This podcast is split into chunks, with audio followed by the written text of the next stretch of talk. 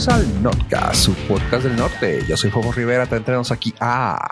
Uh, uh, hola, yo soy Joe Pollo. Y también a... Hilari larie. A A B. Hilari larie. A A B. A, B. es que tengo fiesta atrás. Esta ahorita es. Yo ¿Tienes es fiesta- mulet o qué? Espero sea fiesta Ah, infantil. fiesta, sí, fiesta Ah. atrás, sí. Si tiene Business mulet, te la ve.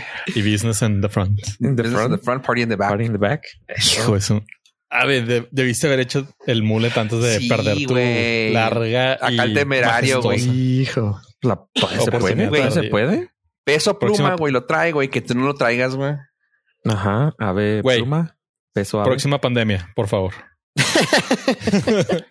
Peso mosca va a ser el ave, güey. Chale. Peso, peso moyote. No. No. Ah, no me sé los pesos de los luchadores, de los boxeadores. yo tampoco. Ah, pero creo que que así no. dijimos tres buenos, güey. Espero. no hayamos ofendido a la, A la comunidad a boxística. la comunidad bo- eh, pugilista. No, güey. nomás nos falta, güey. Nomás nos faltaba esa. güey. Ok, eh, pues ya estamos en eso. Peso pesado es lo, lo más. Eh, 90 kilos. Ok, de- heavyweight. De 80 a 90, peso crucero. ¿Qué ¿Cuál crucero? ¿El, del puente al revés? Ajá. Ay, chiste Ciudad Juárez. No, hombre, No, de contrataciones. Disney, ah. Eh, peso semipesado es de 76 a 70 79. No manches, eso no es pesado, güey. Bueno, ya ni No. les voy a decir el peso, nomás les voy a decir peso Sí, sí. semipesados, peso supermediano. Y lo Creo que se pelea en el canelo. Peso mediano. Sí, Saúl Álvarez anda en, En mediano. pues sí, entre 72 y 76. Super mediano. Sí, Super. super mediano. Y luego sigue el super, el mediano. Y luego sigue el peso welter, super welter, welter, super ligero, ligero, super pluma, pluma, super gallo, gallo, super mosca, mosca, mini mosca, mínimo. El de mínimo es de 47 kilos. Ok. Yo. O sea, ese ya es, es el timbre. Peso timbre. Sí, ya. Si lo alcanza, puede pelear. Yo andaría como en el 60, como super el peso ligero. Peso ligero. No, sí. No, Fafo y yo andamos peleando en heavyweight. En heavyweight. Nos andamos peleando en las grandes, güey. Ok, ustedes ya se pelean con este, el mexicano. Bueno, que ni- Con, sí, con Andy Ruiz. Andy Ruiz, sí. Sí, nada más que, bueno, a mí sí el vato sí me saca como 20 kilos de puro poder. ¿Tú crees que nada más 20? No, o sea, el de la báscula. en, en peso, o sea, en fuerza real me saca como unos 79, yo creo. No, estoy siendo, estoy siendo muy benevolente conmigo. Como 129 me saca de, de peso de fuerza máxima. De, De, de músculo, güey, punto. Porque tengo mucha autoestima, por eso estoy... Sí. bueno, pues es que si uno va a hacer sus propias historias, hay que ser benevolente. ok, no, pues sí pesa en el heavyweight, el Andy Ruiz. Estoy buscando a ver cuánto... Y luego, eh, ah, yo, yo voy por el, mi gol es el crucero. Para pelear contra el, no sé, el del Caribe, el Royal Caribbean, el... Ok. El Disney Ah, Cruise. el, sí, el híjole. Titanic, el, el Disney Cruise, el que va por Alaska. ah, el Disney, el Disney, sí, claro. El, el, gal- el de Star Wars, hay uno, ¿no? Mira, que un vato, bueno, alguien bien frío se peleó contra el Titanic y ganó. Ojo. y ganó. Es que el truco no es este, es cómo te muevas, siempre se sabe. Se sabe, se sabe. Y el, y el Titanic no se movió. No se movió Rick. si se hubiera movido, no hubiera hecho. ah, pues puro chiste aquí, este histórico. Sí, híjole. Traemos, traemos lo mejor de lo mejor para nuestros no listeners. y lo- No se pueden andar quejando de que esto es que igual que todos los podcasts, que somos unos aburridos. O sea, sí, pero, Pero- traemos, andamos con el flow a todo lo que da. No, pero yo sí recibí insultos. Ah. Sí, la verdad. Ok. Me mandaron un mensaje en una red social o por algún sistema de mensajería o por algún medio de comunicación. Me dijeron, no, ya ves que platicamos que yo tiraba el eggnog Sí. y me dijeron, no lo tires, échaselo al café. Me ardió. Me ardió que me dijeran eso. Pero luego dije, no, claro, lo hicieron. ¿Saben dónde? O sea, ¿te acuerdas como el maestro de Kung Fu Panda que sabe tocar así los puntos? O el de, o el de la serie de Kung Fu del 32, que nomás te tocaba ting, ting, ting, y ya te mataba. Así me Sabía hicieron a mí. Sí, sabían dónde tocarme. Sí. Y sí, Oh, toda mi semana fue, toda la semana sentí, sentí así como si me hubieran hecho vudú. Sí. Nada, pero es cotorreo, es cotorreo. Tú sabes quién Pero, es. pero lo deja tú. O sea, eso es lo de menos. Lo interesante es saben cómo hacerte daño. güey. Sí, sí, están descubriendo mis debilidades.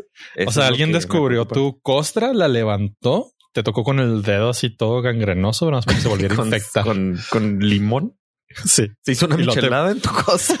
Tu co- abajo de tu costra y luego la volvió a pegar así por encima para que no se vea el daño. sí. Bueno, eso habla bien de esa persona que sí me conoce. Pero Exacto. pues muy mal de mí que estoy ahí revelando intimidades. Nada, pero to- todo eso lo aliviané con el cuando después vi que alguien le ponía mayonesa y pues no, ya. Dije, Oh, y Se los mandé. Ok, contexto para la gente que no, ten- no vive en la cabeza de ave.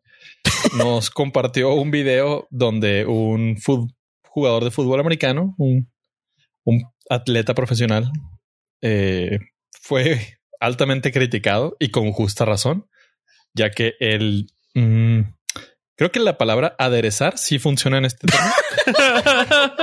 Aderezaba su café con mayonesa.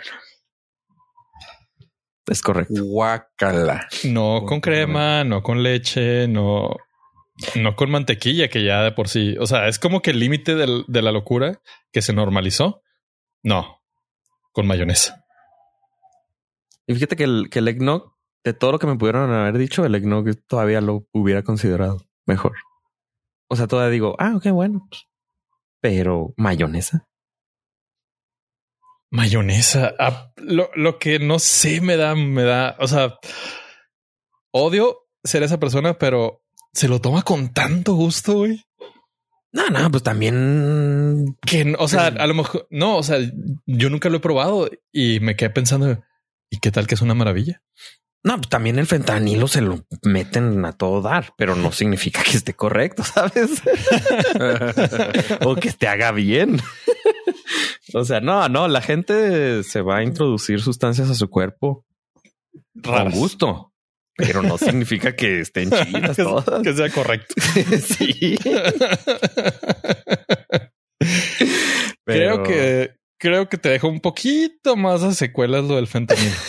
Llámame loco, no soy doctor, no me roben, pero siento que es un poquito más adictivo que la mayonesa en el café. No lo sé, es que no lo has Bueno, probado. prefiero no investigar, güey. La neta. Ajá, ¿y qué tal que te gusta? Capaz de que, exactamente, capaz de que te gusta. Y Sí. luego, ¿qué vas a hacer? Ajá, es por ejemplo, yo a veces no pruebo muchas cosas porque digo, no, esa cosa no está correcta y prefiero no probarla por si me gusta. ¿Qué O tal eso que me dices. Ajá, no, pues qué tal si me hago vicioso de eso? Sí, No, no, no, no. de por sí que tienes una personalidad compulsiva obsesiva, entonces Muy probablemente me. es probable que no la sueltes. Ajá, entonces mejor así de lejos. Mejor así de lejitos. Pero no, no, el- es cotorreo lo del. Pensé que sea, sí me lo-. O sea, sí me lo mandaron, lo del fentanilo no, pero sí me lo mandaron, pero es cotorreo, es cotorreo. Sí, no, no, sí, sí, creemos que sea cotorreo porque sabemos que ese eggnog de todas maneras ya está en la basura. este, este año va a ser, este año es el bueno, es en el que me voy a acabar un litro de eggnog. No en una sentada, pero no voy a dejar que se haga malo. o me voy a tener las consecuencias y se lo voy a echar al café. Para que se me quite. No, o sea, no creo que esté malo. No, pues es- debe ser como el Baileys, algo así, más cremosón. Sí, pero digo, ¿qué es lo peor que puede pasar? ¿Que le pongan mayonesa después? Ajá. Que me empiece a gustar con mayonesa. O con, ay, también he visto gente que le pone dos huevos, un huevo así para desayunárselo. Pues ahí está. El café. Es lo mismo que lo que Ah, acabas Pues de decir. sí. Sí, Si lo o sea- y si el café está así súper hirviendo, sí funciona así como desayuno porque queda Sí, poché. Te se los huevos poché.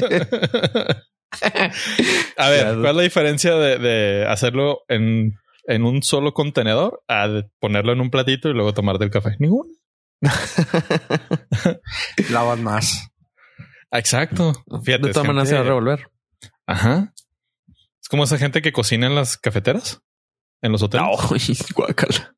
Así pones tu huevito y luego le pones el brew al café y ya. y tu ramen y tu... sriracha. Sriracha y vámonos. Y un poquito de mayonesa para que le dé sabor y color. Y Hijo. Ay, eh, yo eh, conozco muchas personas que le ponen crema. O sea, crema a sus, a sus platillos. Por ejemplo, están comiendo tamales, crema. Están comiendo arroz, crema. Están comiendo, no sé, algún otro tipo de carne, de a lo mejor una carne, crema, pum. Pero supongo así debe pasar con la mayonesa. De que Pues les gusta tanto la mayonesa. con- También creo que en los mexicanos somos muy conocidos por lo que sea limón. Sí, limón. Ay, sí. Sí, sí. Lo que sea limón. Yo soy uno de esos. No a todo, pero como Ah, el no. 85% de la Sí. comida. Sí, a los huevitos no. No, no, no. Hay, hay- hay respeto, hay respeto. A los huevitos mayonesa. Oh, que la. Oh, que la. Pero sí, esa fue mi semana. ¿Qué tal las de ustedes? No, pues ya se terminó el programa. Gracias. no, bien, Ah. fíjate. Fue Muy una bien. semana interesante. Sí, tuve la oportunidad eh, de. Creo que no lo platicamos aquí, o sí, no me acuerdo, pero eh, no importa. No es como que los patrocinadores se vayan a ir. Fui a ver Volver al Futuro al cine y experiencia chula que viví. Me di cuenta que soy un alma vieja. Me hubiera gustado haber estado vivo en 1983 para poder ir a- al estreno. Ok. Fíjate que los Este, cines. es la, es la original, ¿verdad? sí, la, la primera, la OG. Sí.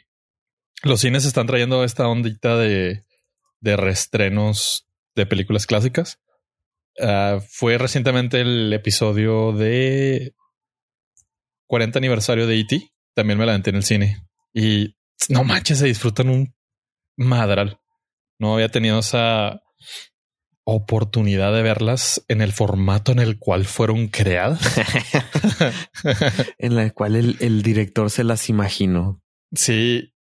Y digo, como, como millennial, pues creo que Volver al Futuro la he visto por lo menos unas 30 veces. Porque era permanencia algo que- voluntaria presenta. Volver al Ajá. futuro. O sea, fue algo que vimos todos de, de ciertas eh, rango de edades en México con el Canal 5, de a fuerzas. Sí, claro. la pasaban yo creo como unas cinco veces al año, sin bronca. No, hombre, man. Sí, así tranquilito. Ah, ok, ok.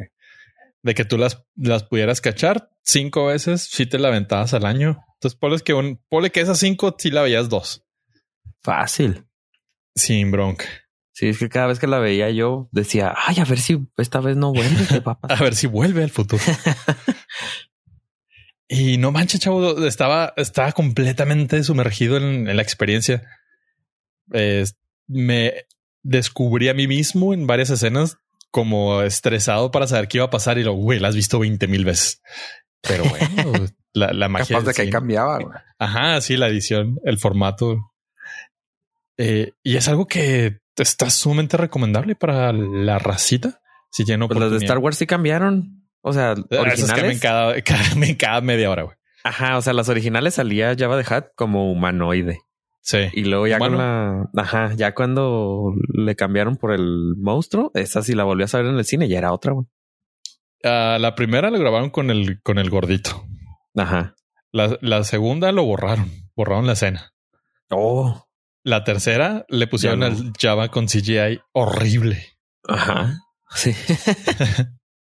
Sí, entonces o sea, si te esperas media hora, George Lucas modifica algo en alguna película. Entonces ya es watchable en el cine y pues ahí sí tienes la certeza de que, ay, ¿qué va a pasar aquí? Sí, no, no. Sí, de hecho, creo que alguna vez lo platiquamos aquí, ¿no? Cuando, o no, cuando fue el estreno del episodio 7, las nuevas de Disney. Ajá. Me aventé un maratón con familia en el cine del Paso, donde estrenaron del episodio 1 al 6 para darle, o sea, se sincronizó para darle estreno al 7. Y fue Ajá. la cosa más maravillosa del mundo ver, ver el episodio 4, 5 y 6 en el cine como George Lucas siempre lo, lo imaginó. Uf. Como George Lucas nada más pudo hacerlo porque en ese Sí, me acuerdo que nada más existía. Sí, nada más existe eso. Entramos al cine por ahí de las 11 de la noche y el estreno fue a las 6 de la tarde. Ok. Entonces Sí. todas las seis. Las seis películas eh, con un pequeño break de una hora y media, una hora, una hora y media para desayunar Uy. a las 11 de la No mañana. manches. Ah, fue, fue, No, Fue no, fue arte. enfermo. Dijiste Fue que no arte. volverías a decir, güey. fue cinema, fue arte. Dijiste que no volverías a hacer. Ah, no, no, o sea, no volvería a ver las seis películas de Star Wars así. Pero, ¿Tres? digamos, no sé. ¿Tres? Oh, pero pelada. estaría, o sea, está chida porque es un recap. Ajá. No, y es una O sea, experiencia llegas- que, sea, que nunca vas a volver a repetir. Pero yo siempre, yo siempre había tenido esa curiosidad y esas ganas de ver esas películas del 4, 5 y 6 en el cine. Entonces tuve esa chance y sí, o sea, la neta, la neta, Tom Cruise no está mal. El cine nunca debe morir. Es una experiencia aparte. Va a morir cuando todos podamos tener este el mismo sistema en casa. Que ya, No, ya es se que va. No, el problema no es ni siquiera es la calidad, ni siquiera es el sonido, es la inversión. Y en casa no hay manera que estés 100% enfocado en la película. No hay manera. Si no está el celular, está el teléfono, mensajes, correos, etcétera, hijos, todo. O sea, hay mil cosas que están alrededor de tu vida día a día que en tu casa no cierras, no te cierras completamente para enfocarte a ver la película. Y en el cine sí, porque no puedes sacar el celular, bla, bla, bla. Esa es la parte que yo creo que no cambia. Porque te regañan. Ajá, te regañan y te sacan. Pues contratas a alguien. Si Para usted que ve te- que sacó el teléfono, deme un Me golpea. Sí. un macanazo, órale. Un porrazo o algo así. Si ve que alguien de la familia me quiere hablar, también lo golpea. Ajá, sí. No, no basta. un- ma- lo pase lo que pase, no permita que nadie se contacte conmigo. Sí, no, pues aquí luego estás viendo algo y lo elotes, tamales, o te tocan a la puerta. Eh, vienen a hablarte de, de que si quieres encontrar la, las llaves al cielo o al infierno. Que si quieres este conocer la verdadera fuerza. que se cayó tu hijo de un árbol. O sea, puras tonterías, güey. Sí, sí, cosas así Banales. de día. Entonces, creo que esa es la parte todavía muy rescatable del cine. Ok. No, pues qué bueno que hay gente que lo disfruta. Todavía. Gente como tú va a rescatar el cine. Gente como yo se va a cinema. esperar a verlo en casita. algún día te voy a convencer a ver una película clásica en el cine. Fui a ver hace en el 2011 fui a ver Back to the Future también. Hace poco, en el 2011. no hace poco. pero- O sea, es que creí que ibas a decir, te voy a convencer de ver una película en el cine. Y yo, hace poco. No, en el 2011 creo. La última ver- vez que fue al cine fui a ver una película clásica en el 2011. Sí, fue en Sí, el 2011. Suena a eso, güey. Sí, A lo mejor la única que vería Star Wars en el cine y vería The Matrix, nada más. No La mm, 3, claro, ¿verdad? Sí, La, la 4.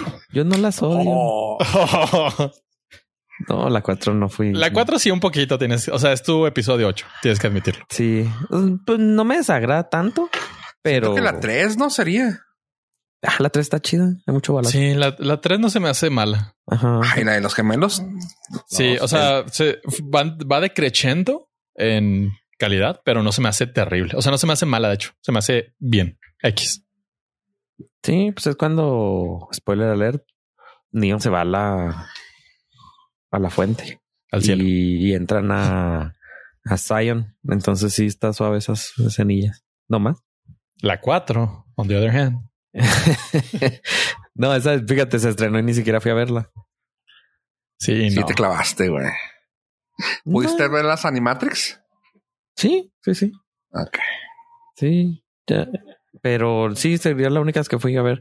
Y Back to the Future sí quise ir a verla para ver si, y si, se- si comprendo lo que dice Pollo, que sí es otra, otra experiencia.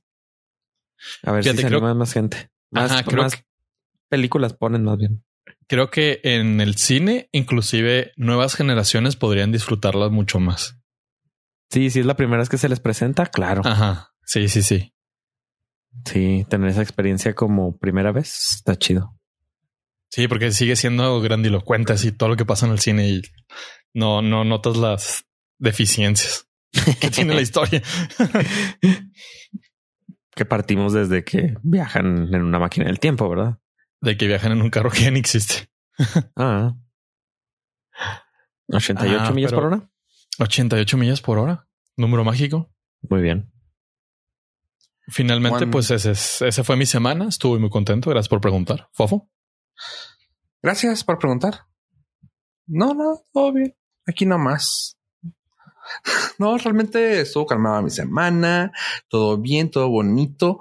Me puse a ver un chorro de películas hasta de las que no me preguntaron. Y pues. Así. Y sabes qué? Estoy contento porque yo sé que ya estamos bien. Ya en el mundo ya, ya se acabó toda la pandemia, chavos. ¿Me quieres Ah. explicar por qué se acabó la pandemia? Bueno, para empezar, no se ha acabado, pero que sí, ya dijeron. se acabó la emergencia sanitaria. Ah, nah, sí, Eh, chido como la. Organización Mundial de la Salud o Doctor Who. Este, o el Doctor Who anunció, es que es literal Doctor Who, anunció que se acabó la emergencia mundial, el Doctor Tedros, y, o sea, el virus, el virus sigue, o sea, y se va- probablemente siga falleciendo, desgraciadamente sí va a seguir falleciendo gente, pero la emergencia, o sea, la pandemia en sí, sí terminó, pero el virus sigue, o sea, no, no crea que no le va a dar otra vez o pues va a ser así más leve, pero, pero nos va a seguir. Eh, la pandemia empezó el 30 de enero cuando se declaró emergencia mundial y ya la estamos terminando al 20. ¿Cuándo? El, fue el 4 de de mayo. 3 de mayo, 3 de mayo, 3, 4 de mayo ya, ya fue el, el día del anuncio y fallecieron muchas personas, millones, millones. Creo que está he estado analizando los da, La como los eventos que nos han tocado. Nos han tocado dos papas. O sea, ver que eligen a dos papas. Una coronación del Reino Unido. Una pandemia. Eh, probablemente nos toque una guerra. Entonces, siento que somos la generación que nos ha estado tocando de Pues todo. nos ha tocado también, ¿no? ¿Quién? En nuestra generación ya nos ha tocado dos o tres guerras, ¿no? Sí, pero mundiales. O sea, nos No mundiales. así. Ah, mundiales. Ah, Sí, sí, o sea, y siento que nuestra generación no creo que sea la más envidiada que nos está tocando de todo. Muy probable nos toque otra coronación. O sea, no quiero ser pesimista con el rey Carlos III, pero pues a sus 74 años, no sé si a los 20, o sea, pues mm, tendría que vivir 100 años para que Mira, yo ya vi esa película. Hicieron una comparación con su trajecito y tiene una semejanza impresionante con Snoke y ya vimos cómo terminó. Entonces, pues nada más para que vayan preparando las palomitas. spoiler alert. Pues si todo le va bien lo clonan, ¿no? O algo así. Ah, no, ese era Palpatine. Sí, él era un clon en realidad. Ah, y no está muy lejano. Probablemente nos toque. Mira, ya nos tocó que empezaron a clonar las vacunas con mRNA, etc. O sea, sí nos ha tocado como parteaguas en los libros de historia. Que quién sabe si las próximas generaciones digan, no manches, a ellos les tocó de todo. Estos es en este lapso del tiempo tocó todo. La carrera espacial otra vez. Ajá. Fíjate, no, no nos, a nuestros papás sí les tocó la el alunizaje, el primer alunizaje. que no sé si tenga que ver con los lunigazos, alunizajes. Ah, fue un lunigazo haber tenido un alunizaje. De eso no hay ninguna duda. Sí, entonces, pues ya no tenemos emergencia. Puede estar un poco más tranquilish, pero pues está chido que ya nos, ya, ya se normalizó el uso de cubrebocas. Ya se tiene algo. Eh, ¿No? No, No, yo creo que ya se desregularizó, se desnormalizó otra vez. Duró como medio año. No, yo creo que más. triste. Pero, o sea, si ves a una persona con cubrebocas, ¿lo ves raro? Ya, ya la ves raro otra vez. Hijo. Sí. O sea, ya asumes que la persona está, o sea, trae algo y por eso está cuidando. Como siempre. Como debería ser, o sea, en realidad. Si estás resfriado, usa un cubrebocas para no contagiar a nadie. A ver cuánto nos dura. No, ya he visto muchas personas estornudar en. Ah, sí, toser y pues, Sí. verse físicamente deplorables y no traer. Ay, güey. Espérate. La verdad, ¿Todo bien en casita? a, a mí que me ha tocado Los ver a- jodidos, todos pinches miserables. Sí. Y eso es emocionalmente. Entonces, eh, a mí sí me ha tocado ver varias personitas que no tiene ya ni tres gramos de sentido común. Bueno, De la decir- humanidad no tiene sentido. Nieta, o sea, venimos de casi tres, más de tres años de estar en un infierno. Pues si te sientes mal, ponte el cubrebocas, ¿no? No pasa nada.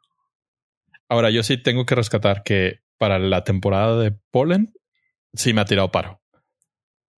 Yo sí sigo usando, eh, digo, no, no al mismo grado que antes, pero pues que si salgo a la callecita o algo, sobre todo si sé que está haciendo airecito, trato de ponerme un cubrebocas y santa maravilla, mi consumo de, de fentanilo, no, de cosa más, No, caray. efedrina, no tampoco. ¿Qué?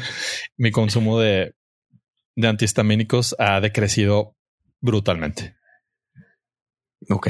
Eh, yo también he escuchado de ciertas personas, bueno, para ser más exactos, de maestres que dicen, no, yo no me voy a quitar el cubrebocas porque soy maestra, maestro, maestre y siempre me la pasaba enferma porque en los grupos de los niños te... O sea, hasta un resfriado dice, y ahora que lo uso, no me he resfriado, así que no lo voy a dejar de usar. Llámenme Sí, loca. no, pero- Es una muy buena solución, la verdad. Sí, no, no, no puedes como argumentar que está incorrecto eso. Ahora, nada más para que no, no se sienta que ya cruzó la línea de llegada con lo del COVID, dejó de ser pandemia para ser endemia. Entonces se va a quedar aquí para siempre. Yay. Ajá, sí, porque neta los, los titulares de internet son el fin llegó, Nah. la pandemia terminó, le ganamos el COVID. Mm, No, Ah, dile eso es- a los millones de personas que fallecieron. Ajá, así como que no, o sea, en realidad lo único es que la enfermedad ya es endémica. Va a estar llegando y saliendo como la influenza. Sí, es como la influenza en 1900. Sí, o sea, mató muchas personas, pero pues ahora ya la toleramos un poco más. y pues afortunadamente ya Es como- tenemos la vacuna patria. Es como cuando nos vemos nosotros, güey. O sea, es endémico, güey. Nos toleramos y ya. Es Sí. endémico, duramos eh, temporadas muy largas de no vernos Ajá. y luego lamentablemente coincidimos. Cuando el Mercurio está en retrógrado. Cuando Mercurio está estúpido porque ah, como el quién es el no sé si es el de Mercurio, el de el de Magneto, Alan, que está en el 90s Pop Tour. Pobre vato, ya no puede ni bailar, ni caminar, ni respirar, pero le echa todas las ganas y se, se ha vuelto Bueno. un fenómeno de internet. Bueno, todas las ganas. eh. Todas sus ganas, Ah, lo que le queda, digamos. lo que le queda de ganas. Lo cual, lo cual es un gran mérito porque, o sea, la neta es el único que se ve que ha tenido una vida normal. Todos los demás así fitness y súper preparado. Ah, este vato dijo, yo hice feria, yo fui un popstar juvenil, me la voy a llevar chido. Lo que era. O sea, yo fui popstar juvenil. Ajá, yo no soy un chavito de, de 15 años bailando, yo soy un señor que se echa sus caguamitas banqueteras. Qué chido. Ahora, ahora estoy bailando. bueno, ahora estoy en un parado en un escenario. Ahora estoy tratando de Moviendo hacer la boca. moviendo Sí, la boca. Sí, pobre, pobre, pobre vato se ve que o respira o, o canta. Y puede pues- decir fácilmente, ah, es que era el... Es el COVID. Oye, pollo, y hablando de cosas malas, güey. O sea, lo estoy comparando con el con el COVID, güey, pero creo que esto es algo más peor, güey. hablar Lamentablemente, sobre sea, ello, se- pollo? lamentablemente sea a lo que te refieres. Ok. Pues el episodio cero de este. Ay, El episodio cero del Norcas. El- no, el, el prohibido, el que, el que bajamos de internet. el que nos pidieron que bajaron. Sí, el, el que nada más dos personas escucharon. Ah, no, hay algo peor y se llama Caballeros del Zodiaco, la película. Chavos, no pueden decir que no me sacrifico por el team. Esto fue, no fue tarea, fue manda, fue penitencia. Esto fue uno de los siete niveles de, del infierno de Dante, es ver esta película en loop infinitamente. Y no me estoy quedando corto. Ah, si tienen muchas ganas de ver la película por lo mala que es, caso que me sucedió a mí, dense un rol. La van a disfrutar de lo malo que está y van a decir, ¿qué mierda estoy viendo? ¿Por qué me hice esto? Neta, esos, esos 70 pesitos los hubiera juntado para pagar terapia. Está mala, muy mala. Ah, tiene dos momentos que no son horribles, que son peleas y que son malas, pero no son horribles, donde eh, Seiya todavía no trae la armadura, entonces está como en un ring de, de pues un cuadrilátero, un octágono más bien. Esa parte que son los primeros 10 minutos de la película no es horrible. A partir de ahí la película se va a la mierda. Sin escalas. Chale. Ah, lenta, aburrida, muchos diálogos sin sentido. Se fueron, la, la historia la mandaron al traste. Pero era como los primeros 10 episodios, ¿no? Ah, la historia la mandaron a la mierda. Se sacaron su historia por los gloriosos eh, de Poseidón. Ok. Y todavía no llegaban ahí. Todavía no llegan ahí. Ah, Tienen estos directivos de pantalón largo que en su perra vida han visto algo de lo que están haciendo. Eh, tienen esa imperiosa necesidad de decir, ah, vamos a traerles algo que realmente quiere la gente, algo que es personal y crecieron con ello, algo muy dentro de su corazón. Perfecto. Pero la historia cambia toda. Neta, güey, neta. No estaba esperando, no sé, la mejor película del mundo, claramente. No estaba esperando, es más, no estaba esperando ni siquiera una buena película. Estaba esperando que fuera algo fiel a la caricatura, punto, o al anime, lo que tú quieras. Algo que fuera congruente a lo que hemos visto. Y los únicos idiotas que fuimos a verlo fuimos los que conocimos a los caballeros del zodiaco. No, se, se pasaron todo por el arco del triunfo. Y la película es muy mala, muy mala. Aparte, esta necesidad de Hollywood de hacer chile, mole y pozole entre los personajes, como que, dude, neta, o sea, ella es claramente asiático, pero su hermana es norteamericana. O sea, como que, o sea, congruente con una línea o ya no sé, no sé, está muy mala por todos lados. Las armaduras se ven chafas, el CGI se ve horrible, los poderes se ven feos, defectuosos, malos. Un fanfiction. El, C- el CGI es diferente de los poderes. Ay, es que tiene, tiene cosas eh, en la película que no voy a spoilerear para aquellos valientes que quieran verla. Ah, un fanfiction de YouTube de un vato que está estudiando economía, pero en su tiempo libre le gusta picarle a, a Photoshop en video. A Paint. a, Photo- a Photoshop en video, claro como, como nuestros gloriosos políticos, eh, hace un trabajo mucho más rescatable. Pudiste haberte ido por el lado no tan espectacular visualmente y hacer una historia más simple y quizás hacer algún tipo de armadura, no sé, representativa, o sea, en algo más pegado a la realidad.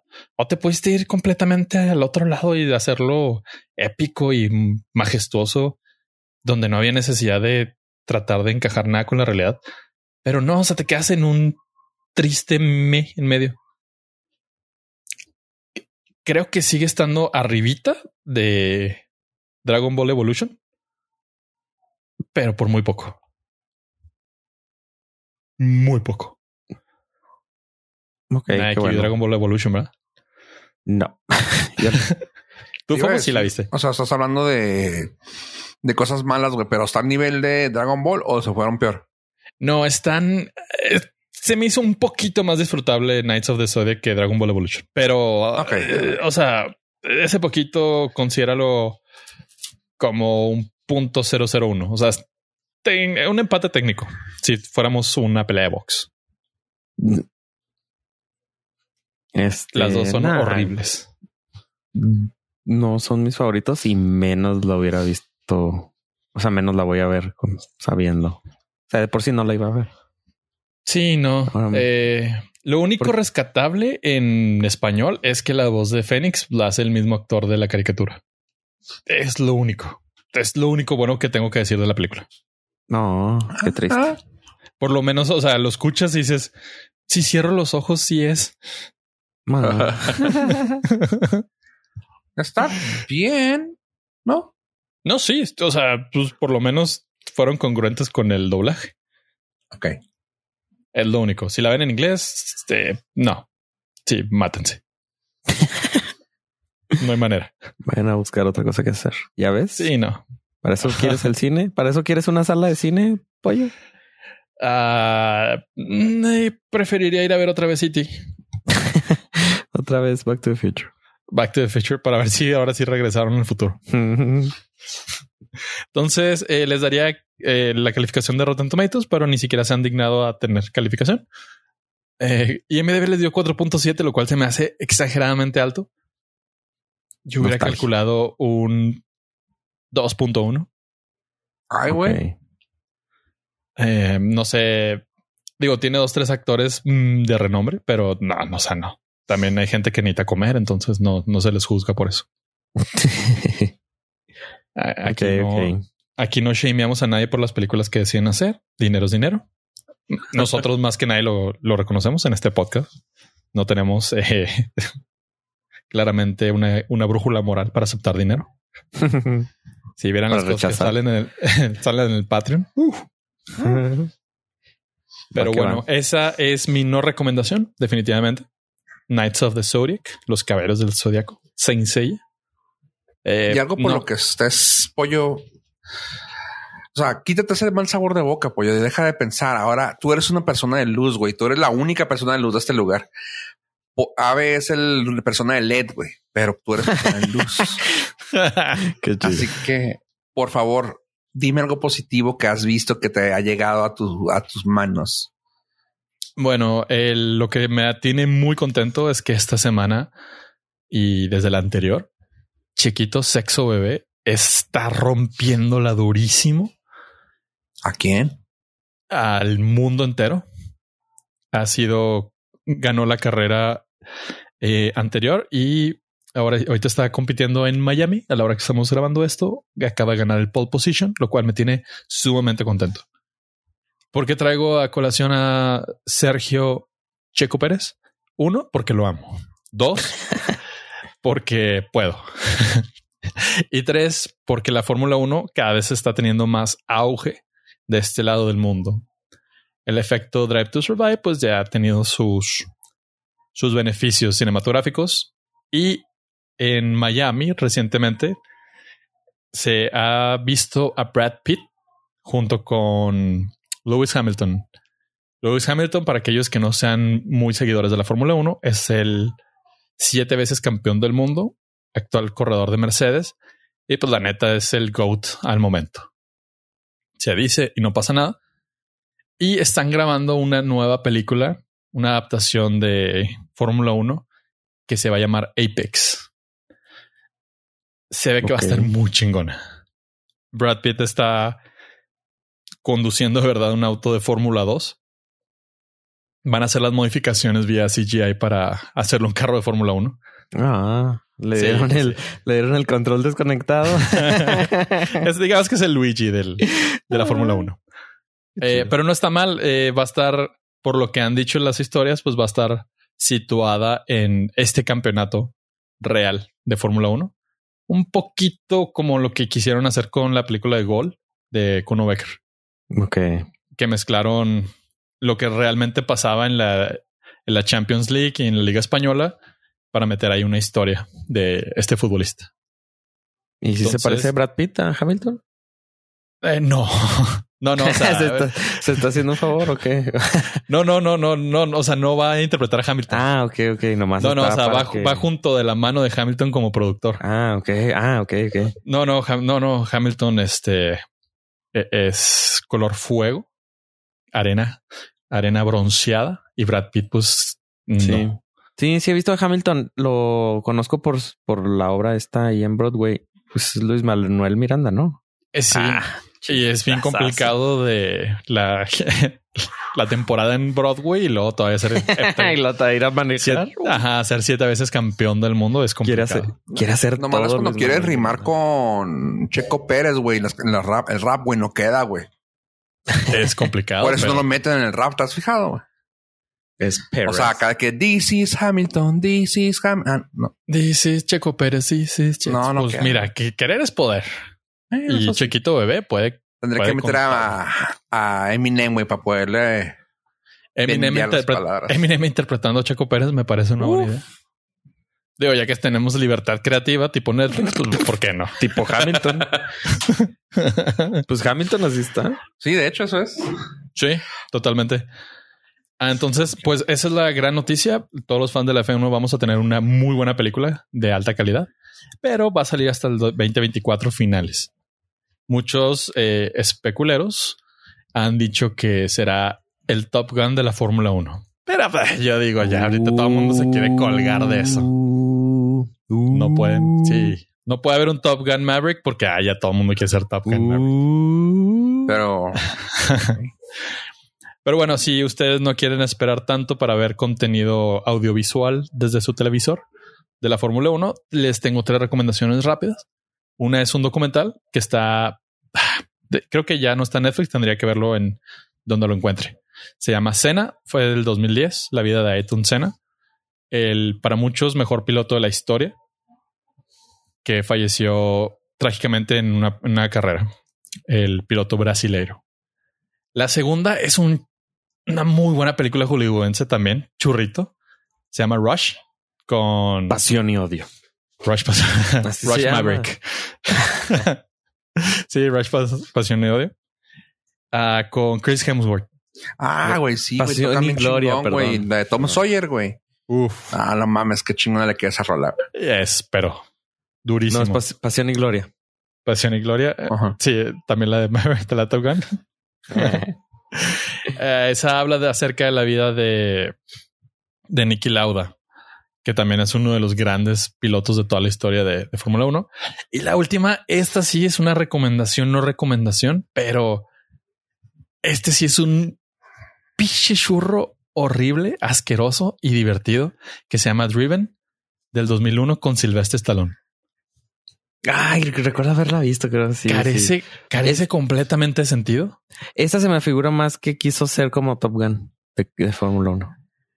A lo mejor en su tiempo. Ajá, sí, en su tiempo. O sea, como que dijo, ah, pues si de aviones funciona, también a lo mejor de carros puede funcionar. De carros y, o sea, hay una escena Sí. donde sacan los carros de Fórmula 1 a las a calles la de calle, güey. Sí.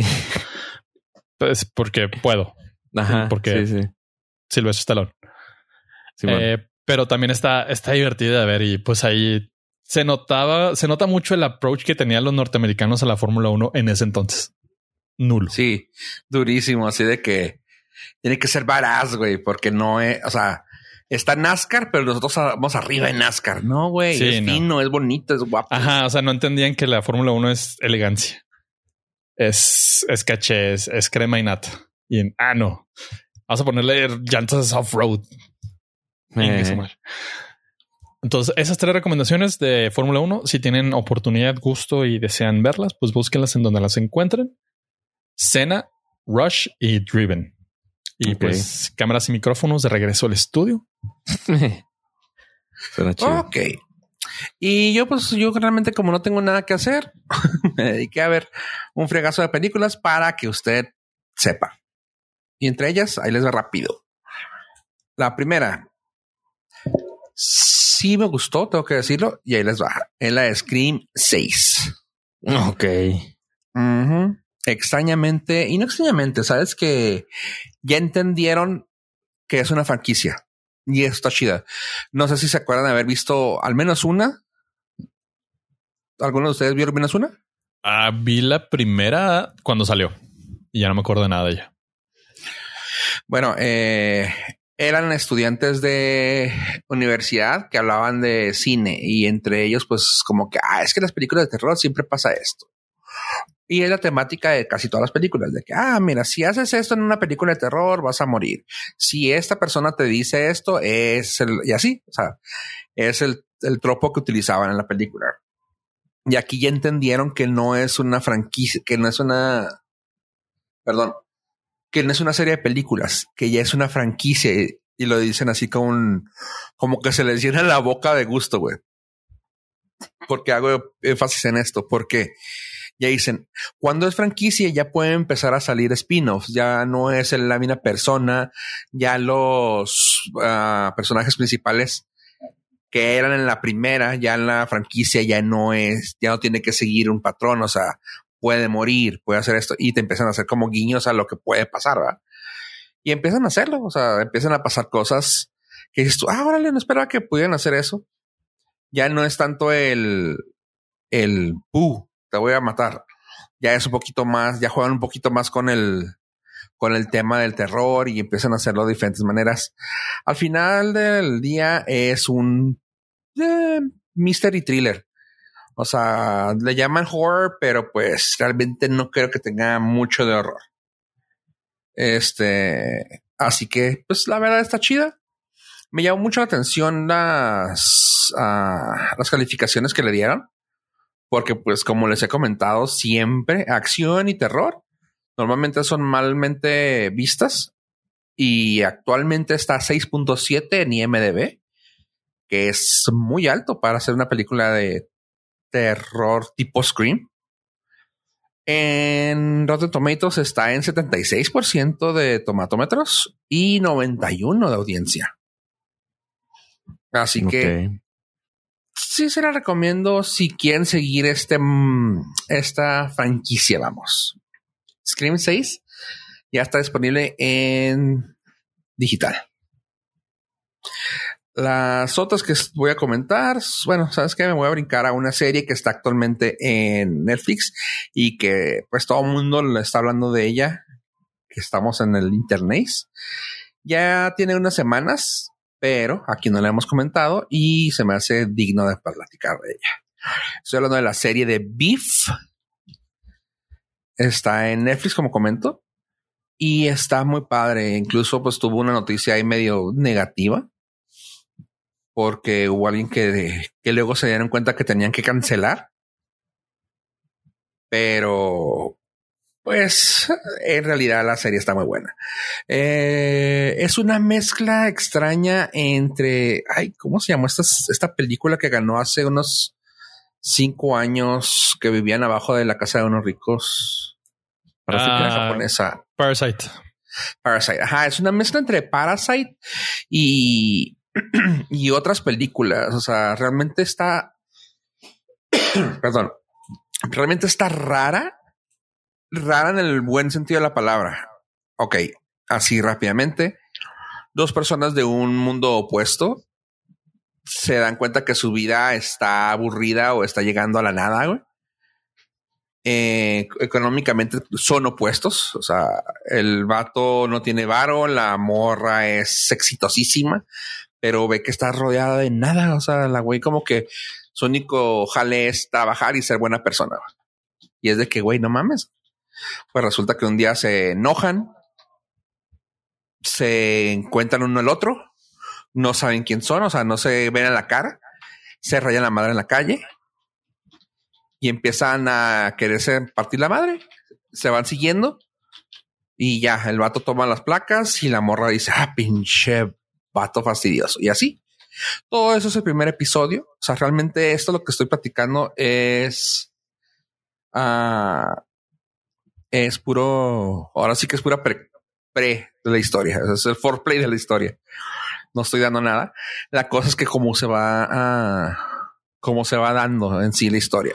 Es una serie con 10 episodios y la verdad, la verdad, la verdad, está buena. O sea, está muy buena. Los actores, Steven Yeun, eh, la persona que salía, una de las personas que más queríamos en Walking Dead cuando todavía Walking Dead importaba. Y que pues nos, caló que lo le dieran cuello. Este, no sé si se acuerdan de él. Ustedes, chavos, ¿no? No, nunca vi Walking Dead. Ah, vi la primera temporada, ¿cuenta? Sí, de hecho ahí estaba. Es, el chavo este. Mm, Dilo. Ah, ¿viste la de Nope? No. Ah, nope. Nope. oh. Ah, que la. No, pues no. Entonces no, no. Vamos a ver. Es un chavo que es, creo que. Déjame te digo bien, no quiero regarla. Creo que el chavo es japonés. No, es coreano. El chavo coreano, un chavo coreano que salía en Walking Dead, ¿no? Ah, Grant, ¿no? ¿Cómo se llamaba? Ah, bueno, sí, ándale, ese güey. Sí. Ese güey. Sí, sé quién es. Él que luego le dieron a matar y le Perdón, spoilers de hace siete años. No, no, y aparte el vato lo pidió. Sí, creo que pidió salirse, güey, porque ya está harto. Bueno, él y está Ali Wong, que también tiene sus especiales en Netflix de comedia. Muy buena comediante. Y ah, soy fan de Baby Cobra. Baby Cobra, cómo no. Mm. Salió en Always Be My Maybe y, y como, como dices tú, ha estado en varias especiales de, de Netflix. Sí, está chido. Eh, ese, si, si quieren ver ese, el segundo ya no me gustó tanto, pero Baby Cobra creo que es el chido de ella de Netflix. Ah, honestamente están chidos todos. O sea, sí tienes tus preferidos, claramente, pero sí están chidos. La güey es, cuenta muy buena comedia. Y pues bueno, es una morra que es comediante y aquí pues es una comedia de, ahora sí que pues suena raro, pero es una comedia asiática en Estados Unidos. Ella está representando a su país, su esposo es japonés y este vato es coreano. Así que pues es así como que medio, como que en ese, en ese mundo se mueven y está muy padre. O sea, la neta, la neta, es así de que binge watchable. Eh, cómo se empiezan a agarrar odio, cómo empiezan cada quien a manipular las cosas para que le vaya mal a otro y que les pase cosas. ¿Por qué? Porque pues eso les da un poco de, mm, de énfasis a su vida, de, de ganas de seguir haciendo cosas, como que de día hago mis cosas que no me llevan a nada, o sea, mentalmente o, o sentimentalmente, pero ya lo que me nutre para seguir partiendo madre es darle la madre al otro.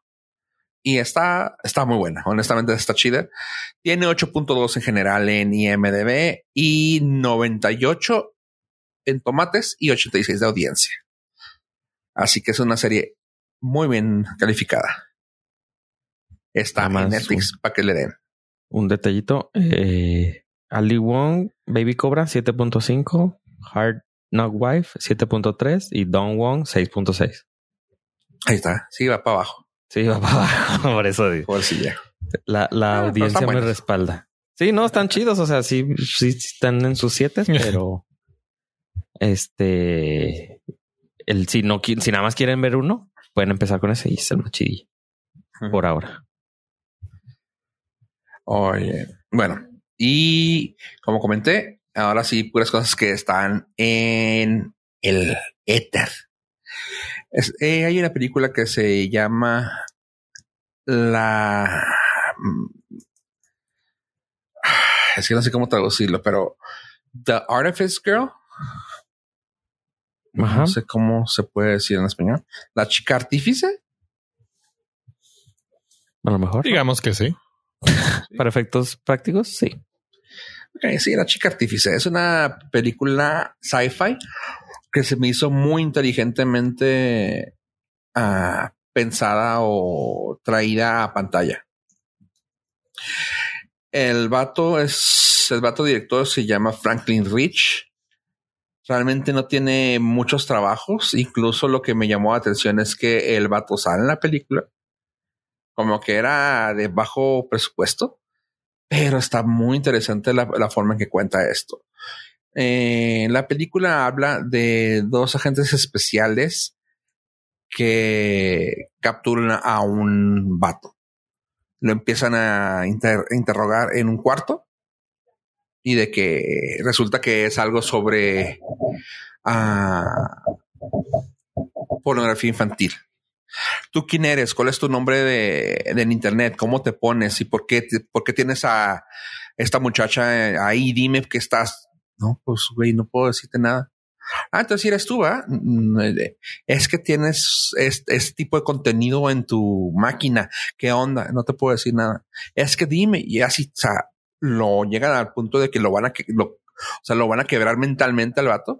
Y dice, bueno, si les voy a decir, tienen que firmarme un aviso de confidencialidad y quiero que de aquí no salga nada y que ustedes, no puedo, le pide otra cosa, le pide el aviso de confidencialidad y otra cosa.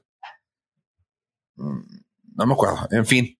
Ah, y pues así de que, güey, ¿qué pasa, güey? Y pues empieza a platicar sobre cómo creó esta inteligencia artificial y tanto la inteligencia artificial como la la semejanza de una persona. Y esta, persona pues es una menor de edad. Y es de que, ah, cabrón, órale, tú lo hiciste, sí, güey, y está, y está pensando y está desarrollándose ella sola y así. Es una inteligencia artificial que él creó con el simple fin de capturar a gente mala. Ya dije la palabra la primera vez, no quiero decirla otra vez porque está muy fuerte. ¿Ya no se spoileaste todo? No, güey, no, ah, no, no, no, no, güey. O sea, eso también pasa en los primeros 10 minutos, güey. O sea, ese es el, ese es el tema, güey. Ok. Lo chingón es cómo se desarrolla, porque no es, ahora sí, ahí es, ahí es lo diferente. ¿A dónde lleva, güey, esto? Y es una película tan, quiero decir la palabra bonita, pero es una película tan, tan wholesome, tan bien hecha, güey, que me gusta que lo padre es que también, como no hubo tanto varo, güey, no necesitaron uno, tener mm, casi, si no es que nada de tecnología de CGI, pero estás contando una historia de sci-fi, güey. O sea, está bien chingón eso. No necesitaste salir más que de tres sets y los sets estamos hablando que son tres o cuatro cuartos, o dos, tres, creo que son cuatro cuartos y se acabó. Y a donde te lleva es de wow, qué chingón. Porque el último, tú piensas que va por un lado se da, da un giro y dices tú, ah, ok, ok. Y termina por otro y dices, wow, wow, wow, wow, wow. Y es, y es sci-fi. Eh, realmente el, como lo tienen, es sci-fi misterio. Así lo tienen catalogado. Okay. Uh, sci-fi misterio thriller. Y está buena la mujer película. O sea, está muy interesante. Tiene 6.6 en IMDB, tiene 90 en tomates y 70 de audiencia. Me llama la atención que la audiencia, pero también no está tan digerible. Si no te gusta la ciencia ficción, y, no, y lo que me gusta, te digo, no es la ciencia ficción de que a huevo tienen que haber naves espaciales ni robots acá que se quiten brazos. No, güey, nada de eso. O sea, está muy bien contada. Se me hace una película buena. Es lo que a la película de Ex Máquina quiso hacer y no le salió bien. Oh, ok. Entonces mejor la voy a ver, voy a ver esta porque la de Ex Máquina me da flojera. Ah, ok. Sí, esta es lo que Ex Máquina quiso hacer. Ajá, sí, sí, sí. Sí, o sea, porque terminas de, ah, la, órale, o sea, órale. Al final es un cuento que no tiene que ver con la ciencia ficción, por así decir. Pero está muy bien hecha, o sea, está recomendable. Esa sí yo le tengo que dar. La otra no la. A las otras dos no las. ¿Cómo se llama? No les puse puntaje, pero a esta sí le tengo que poner puntaje si le pongo un 8 fácilmente. Uh, ok. The Artifice Girl está en, está en redes. Punto. Uh, rápido. Esta se la quiero pasar rápido porque película de Nicolas Cage. Con eso saben si la ven o no la ven. De ahí en fuera es la de donde uh, es vampiro, la de Renfield. Desde la que vi que no habla, ya no creo volver a ver otra de él. Y yo muero por ver esta movie. ¿Está ¿Es en serio? Sí, no se, ve, se ve ridículamente ah. ridícula. Es que yo me fui a lo más ridículo, entonces ya topé fondo, toqué fondo. No, y es, que, nunca topas, nunca tocas fondo. La que no habla se tomó en serio, güey. Y aquí no, aquí como que le dijeron, güey, eres vampiro, sé vampiro. Ah, ok. Güey, está no está, no llega al punto de ser ridícula, porque como que tampoco se permitió el ser ridículo, pero es Nicolas Cage, güey. O sea, O sea, si Él sí- que no se la tomó en serio, pues sí va a ser ridículo. No, y aparte de entrada, si contratas a Nicolas Cage, sabes que es ridículo. mira, lo chida es que esta sí, sí sabe. Dice comedia, fantasía, horror, que son en monstruos. Punto. Pero de ahí en fuera es comedia, fantasía, horror. Ya con que es comedia y sale Nicolas Cage, ya sabes que te la puedes tomar. Eh, la donde no habla era acción, horror, thriller. y aquí sí es como que, güey. Y o sea, el típico grito de donde cualquier cosa que haga que tiene que hacer así algo muy magnánime, hace un sonido muy específico. Y eso me acuerdo mucho desde Face Off, que hace como una risa medio ¡ah! bien rara. No sé cómo le hace, pero la hace aquí, güey. Yo, ah, ya sabemos que es Nicolas Cage haci- haciendo el papel de vampiro. Está muy cagada. Siento que lo, lo chido es que Nicholas Holt, el actor que sale junto a él, es el que se toma en serio, pero porque es su papel. O sea, es tengo que ser yo el que soy el serio y aquí le va a ser el exagerado mamón ridículo. güey. Y está muy suave. O sea, honestamente está muy chida. Ah, me gusta que está mm, Ben Shorts ahí también. Si saben quién es Ben Shorts. Mm, Es las voces de muchas de sus cosas de, de infancia. Entre ellos es la voz de Leonardo en Rise of the Teenage Mutant Ninja Turtles. Ok. Eh, creo que salió. Ah, pues la voz de Sonic en, en inglés. No, no, no. Ese es Luisito Communication. En inglés. Luigi Communications. Luigi Communication. sí, en inglés. Este. Y varias cosas de. De. Ah, creo que también fue de. ah, los. ah, los patos estos. DuckTales. ¿Buenos DuckTales. juntos? DuckTales, sí, DuckTales. Era Dewey. Juntos. Era Dewey en la serie. O sea, el güey ha hecho muchas voces, pero también es buen actor. Así que aquí también sale haciendo, haciendo su papel de comedia. Y honestamente está chida. O sea, sale Nicolas Holt, Nicolas Cage, Aquafina y Ben Shorts. De los famosos. Pero, ¿sabes qué me sorprendió? Que les alcanzó la, el varo para tener a la señoraza. Shore Agdashlu. Creo que se llama. Ah, no, qué horror. La maté, güey, la maté su nombre, perdón. eh, eh, bueno, si no sabes, es la Abasarala de The Expanse. Es una señora actoraza, güey. O sea, por, ella, por ella vivió esa serie, güey. Actoraza, sa, sa, sa, sa, sa. Bueno, y le, les alcanzó la lana. Así que está chida, está muy entretenida. Tú, pollo, que la quieres ver, honestamente, chécala, güey. 6.5 en IMDB, eh, 57 en los tomates y 79 de audiencia. Como Dude. dije, lo único que tienes que decir es Nicolas Cage. Ya sabes, desde ahí sabes, ¿la veo o no la veo? ¿Tienes que decir eso en el cine cuando pides palomitas? Sí, llegas, a, Nicolas llegas a la llegas a la ventanilla y dices Nicolas Cage. Y ya. Y Ya, ya saben. hasta te dan el boleto gratis. Tírelo o déjelo. "Dis- Y luego te dicen, disculpe usted. Ay, Venga, palomitas gratis usted. para que llore. Sí, porque no, no sabía que no traía dinero, joven. Ah. No había conocido a alguien con tan pésimo gusto últimamente. Señor, vi Caballeros del Zodiaco. Oh, discúlpeme. Ojo, tengo otro boleto para que traiga alguien más que sufra con usted. Tenga, tenga, tenga un boleto y mi cartera. No me haga, no me haga daño. Rápido también. La otra es, esta la recomiendo de una manera muy diferente a la anterior. Ok. ¿Se sí. acuerdan que salió? Es que yo sé que ustedes van a decir que no, pero bueno, hace tiempo Arnold, Arnoldo, ah, déjame te digo, ah, eh, ¿cómo se llama? Ah, estaba buscando, perdónenme. Ah, sí, ya, Arnold Schwarzenegger sacó una película que se llamó End of Days Claro que sí. Muy buena. por ahí del 99. En el 99, de hecho. Pues que era el mame del fin del mundo en el 2000. Ah, cierto, cierto. Ya me acordé. Está actualmente en Star Plus. Eh, salió ese señor que luego por mucho tiempo se las dio de muy serio, el que Gabriel Byrne, que era el hombre, que era el malo, el maluki. Eh, y estaba de moda también está Robin Tooney, que es la que se iban a poseer, y que y Kevin Pollak. Bueno, esa película les lo traigo a colación porque era una película de horror con acción, pero realmente era acción con horror. Tocaron el tema del horror como un segundo plano, porque este, pues, Arnold Schwarzenegger, güey, todo lo quiere arreglar con pistolas, putazos y fuego, güey.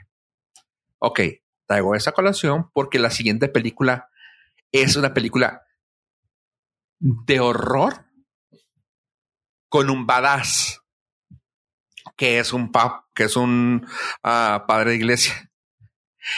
La comparo en el punto de que pones al güey de gladiador, güey, al señor Russell Crowe, güey. ¿Sí? Pero le pones un tema de iglesia y de horror. Así que dices tú, güey, entonces que se va a agarrar a madrazos, va a manejar un avión y lo va a querer casi, casi, pero no. Lo fregón de aquí que lo, yo le veo muy rescatable es que es una película donde es de horror realmente. Si se lo toman por el lado de horror, pero este vato es el padre más varaz que vas a ver. O sea, de que yo contra estos y, o sea, güey, está muy chida. O sea, sí me gustó porque no se ve exagerada ni tonta como lo hacen con Arnold. Arnold acá era un civil, ¿verdad? Pero, o sea, Arnold era un badass con acción y este güey nomás ves que es un padre, o sea, que casi casi así de que dice, no sé, güey, ay, perdón, güey, no quiero decir, vamos a decir que dice un Ave María y luego dice un, y chingate esa, algo así, o sea, lo ves casi así, güey, de que, ay, güey, es bien malo, es bien maluqui. O sea, eso, eso se me hizo muy, muy padre, muy rescatable. O sea, el papel de este güey está muy, muy de barazo, O sea, es, mal, es chinguetas el vato, pero va contra Asmodeus, un mendigo, uh, ¿cómo se llama? Ente maligno que posee a alguien, güey. Y está, está padre. O sea, es un nuevo take en una película de terror, güey. Está, está, está, está. Ajá, o sea, está, o sea, está, existe. No, no, es que está buena. O sea, no, no te voy a decir que es una película completamente de horror, no, pero es una película de horror en forma, o sea, punto. Ok. Eh, y está chida. O sea, les puedo decir, tiene ese 6.1 que, como lo comento, para hacer de terror, vaya, está alto. Está en el medio, en el tomatómetro, en 50%, pero en la audiencia está en 82. Así que, pues, tómenselo con, con un granito de sal. El exorcista del Papa. Eh. Pero, este, muy bien. No hay, no hay sodio. ¿Baja en sodio? Sal, baja en sodio, sí, sí, ya, no, echarle nada. Voy a esperar las recomendaciones. como quieras. Voy a recomendar, esperar las recomendaciones de Fofo bajas en sodio. muy bien, pues aquí, ¿alguien de ustedes fue al cine esta semana? Eh, sí, pero para los caballeros del zodiaco. ¿Alguien vio Guardianes de la Galaxia? Nahuacala. Puras cosas de calidad, veo. ok, entonces sí, claro. Chavos. Creo que aquí ya lo habíamos comentado, que hasta creo que se sorprendieron ustedes. Que lo comenté alguna vez, que ya también llega el hartazgo de Marvel, de, de Eres. No, te van a quitar el cheque. Pero chavos, James Gunn se despidió como los grandes. Lo vi al vi a Ibarreche y vi a Pepe de Pepiteo decir está muy emotiva la película. Y dije, ay, come on, güey. O sea, sí, güey, se despidió, ya es triste, ya. No memes. O sea, dos veces así se me salieron las lagrimitas de cocodrilo, güey, y una así, así de que la verdad, este perro de Jaime Pistolas, güey, supo cómo manejar los personajes. Mueren se despidió como los grandes. ¿Cómo? Se despidió como los grandes. ¿Cómo? Cancelado. Excelente. Ah, no, sabe, sabe lo que sea, hizo gran papel haciendo esta película. Todo les dio un desarrollo de personajes para despedirse. Y al último te diste cuenta que lo que se había dicho en redes hace unos cuantos meses que el personaje, uh, que el protagonista de la serie realmente no era Peter Quill, sino era Rocket Raccoon. Por eso vemos tanta publicidad sobre él en todo lo que tenga que ver con esa película, porque el personaje principal, de hecho, en redes se manejó mucho tiempo la palabra uh, hidden protagonist, el protagonista escondido, porque nadie sabíamos, o sea, lo veíamos ahí, tenía un papel y siempre decía cosas a, a medias de él y aquí pues lo confirman. Y es una historia digna de pinches verse. cuando metía el documento que nosotros manejamos aquí adentro de todo, donde hacemos toda la investigación ardua para ustedes cada semana, uh, yo había puesto la, las calificaciones y estaban bajas, como que fueron los pocos que fueron a verla. Estaba 8.0 en IMDB, ahorita ya subió cuatro, uh, cuatro décimas y ya la audiencia también le subió en Rotten Tomatoes. Actualmente se encuentra en 8.4 en IMDB, 81% del tomate y 95 de audiencia. La verdad, chavos, está muy buena la película. Punto. O sea, no quiero spoilear, ya dije mucho, ya dije que pues este güey es el protagonista de, de esta ocasión y que si vemos bien las películas, él era uno de los protagonistas escondidos y es toda su historia. Está muy padre y tienen que quedarse hasta que se termine la mendiga película. A mí se me fue en fa. Sí, sí sentí que raramente sentí el tiempo, pero no sentí que fuera tanto. No sé si, si me da a entender. La sufrí, eh, pero no tanto. No, no, no, no, no, no la sufrí. Supe que duró. Porque era así de que, güey, siguen pasando cosas, no manches, era de que, guau, pero está muy buena. Hay una escena de pelea que este güey siento que es su firma para decir, por esto me contrataron en DC, güey. O sea, siento que eso fue, güey, porque aquí fue de, de, no mames. O sea, una escena de pelea que dices tú, güey, ¿dónde estaban estas escenas de pelea en otras películas de Marvel, güey? Es una escena que se siente como si fuera una toma, claramente, ¿no? Pero se siente que fue una toma larga, fueron dos minutos y fracción y es de, güey, y alcanzas a ver, lo que me gustó mucho es que en la misma pelea hay un desarrollo de personajes bien fregón porque alcanzas a ver todos como ya son un equipo, güey. O sea, siempre se peleaban, siempre decían cosas y, aquí en esta escena de pelea específica es de que todos se basan en todos para poder pelear. Y está muy chida, o sea, está muy completa la peliculita. Eh, yo salí con, pues ahora sí que con mucho, mucho placer en mi corazón de decir, este güey se fue con todo. Totalmente recomendable. Eh, si no han visto ninguna película de Marvel, tal vez en las primeras dos de Guardianes y luego vean esta. Y no necesitan tampoco, pero les daría un mayor contexto. Es las películas más salvables, recomendables, disfrutables de Marvel podrían ser las de Guardianes de la Galaxia. Así que tú, Ave, que yo sé que a veces las selfie a todas, te podría decir, si tienes alguna que ver, ve esas tres, güey, nada más, para que digas tú, ah, qué chido. Dudo mucho que alguien que no haya visto películas de Marvel quieran empezar con Guardianes de la Galaxia 3. No, no, no, no. O sea, las, las tres. No, yo sé, pero o sea, de que no, si no han visto ninguna, obviamente no, es qué chido. Y lo que mencionas se me hace muy chido esto de que James Gunn fue así como que fuck you, todo. Y aquí me voy puedo hacer lo que quiera. Ahí nos vemos. Ya tengo jale y tengo un muy buen jale en, otro lado. Ojalá le vaya bien. Y pues qué chido que le salió muy bien esta. Sí, no, no, o sea, honestamente, y es, es que también tiene mucho que ver la forma en que lo hace, lo hace como, como un, como que hace películas que él quisiera ver y eso estaba muy padre de un director. O sea, no lo hago para que venda, lo hago para que me guste y está bien fregón. Eh, que tengan el efecto eh, dialéctico, güey, de que haya música que esté metida en la, película porque la están escuchando ellos. Aquí está muy padre. en, la en la versión de Halloween, le regalan a Peter un, un Zoom porque le desmadran su Walkman. Y aquí pues está en, aquí está en un Zoom, güey. Así es que no mames. Justo hablábamos de eso, ¿no? Hace tiempo. Sí, sí, sí, sí. De hecho, cuando lo estaba viendo me acordé de nosotros, güey, platicando de eso, güey.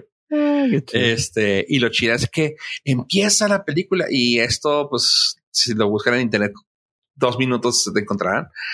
Ah, bueno, es que mucha gente sí, de hecho me he dado cuenta que mucha gente busca el playlist de la película, güey. Aquí en este caso empieza con la de Creep. Ok.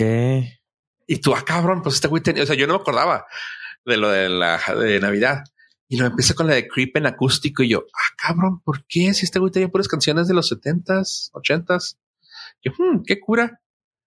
Y la Nama Creep y yo, ok, ya lo ves caminando y te hay una madrecita café así gruesecilla con patallo. Ah. ya como cayó el 20, güey, el Zoom y ya sale y lo, leave my Zoom alone. Y yo, ¡ah! Eh. y ya, está chida porque está ahí, está suave porque ya trae eh, a playlist uh, 70, 80, 90, 2000. Así que pues tienes un, un arco iris de canciones que te van saliendo así desde que esta, aquella, aquella. Y tienen una cosa muy bonita. La última canción que suena, que ellos escuchan eh, en la película, porque luego te, es lo que digo, ¿no? Que, que tiene ese efecto dialéctico de que meten canciones que ellos escuchen para que nosotros lo escuchemos. Sale la de la que con la que empezó la serie, la película, o sea, la de eh, eh, oh, Así termina y dices tú, ah, qué chingón cierra ese cerro. Muy bonito el cabrón este de James Gunn. Hizo algo muy padre y está chida. Hay cosas que tienen que poner atención porque son hints, guiños muy, muy, uh, pues muy bonitos. O sea, que si, que si los agarras, güey, te va a llenar un poquito más de gusto. Así de, ah, vale. Iba a decir uno, pero no me acuerdo cuál era. Pero bueno, la cosa es que está muy chida la película. Guardianes de la Galaxia, volumen 3, está en cines ahorita. Ya también la pueden encontrar digital de una calidad muy fea, pero pues lo se recomiendo. Uh, ah, 8.4 en IMDB, 81 en, en uh, Rotten Tomatoes y 95 de audiencia. Ok, a ver si un día me meto un pequeño uh, maratón de Guardianes de la Galaxia. No he visto ni una. La 1, la 1 está muy buena. La 1 es para mí lo que tal vez para apoyo sea. No quiero decir Top Gun porque tampoco. pero que tienes una, tú cuál, una que también ve. Ah, como para lo que pollo son las películas de Adam Sandler, güey. Así de que las pone de fondo y así. Para mí, Guardianes de la Galaxia es una película que la puedo tener viendo, güey. O sea, de que volteo y digo, ah, mira esa escena. La 2 me gustó y sí la puedo ver una vez al año, pero la de Guardianes sí la veo cada que, cada que salga. La 1 me mamó, la 2 se mamaron y la 3 quiero ver. No, la 2 sí no me gustó nada. La 1 sí, me, me, entretuvo mucho. De hecho, el, el soundtrack de la 1, yo sí era fue de esos que lo trajo meses en el Spotify. Sí, sí está muy buena. Así que sí, a ver, si te recomiendo la. Eh, si quieres de la 1, la 2 ponla nomás así que te se escuche de fondo, güey. Dos aquí. No, la, la 2 baja, el, bueno, ponte los videos de YouTube de resúmenes en 5 minutos. sí, porque pasan cosas, pasan cosas que sí tienes que saber quién es qué y por qué. Ajá. Pero con que sepas, ya. Ok. Sí. Sí, fíjate, no estoy casi nunca de acuerdo. Ya van varias esta semana valiendo Eso está mal. Eh, es que es el, todo se conjuntó con el fin de la emergencia sanitaria. Sí. Y algo está sucediendo ahí con sus. Y Mercurio retrogrado. sí, este van a salir varios personajes que no habíamos visto. Y eso está suave porque, eh, pues los guardianes, igual que los Avengers, es un equipo de héroes eh, pues de, toda la galaxia, o sea, no, no más es un solo lugar. Sí, como su nombre lo indica, ¿no? Ajá. pues que pueden ser de, la Tierra, pero que cuiden la galaxia. Pero aquí son guardianes de toda la galaxia. Ok. Este, y nos vamos a dar cuenta de otras cosas que no quería, que no quiero comentar. Ah, y está chida. De hecho, sale otra vez este Cosmo. Eh, si se acuerdan de la ¿El de los padrinos mágicos? Sí. Ah. sale un perro astronauta. El de los Supersonics. Ah, que, no. que lo chido es de que, pues, se acuerdan de la historia. eh, la, la perrita laica, güey. Sí, la que fue al espacio. Y que nunca regresó. Es un, es un guiño a eso. O sea, este personaje es un guiño a Laika, güey, porque pues es un perro astronauta que nunca regresó. Se sacrificó para que pudiéramos hacer comerciales muchos años después de Harmon Hall. Oh, buenísima referencia. button. Buenísima referencia.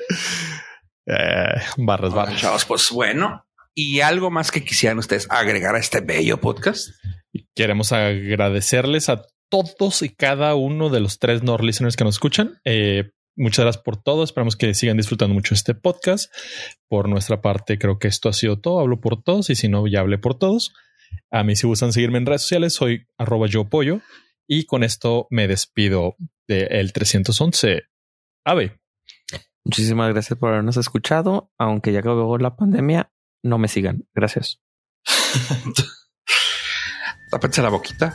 Gracias por escucharnos, gente. 311 Fofo out. Adiós, adiós.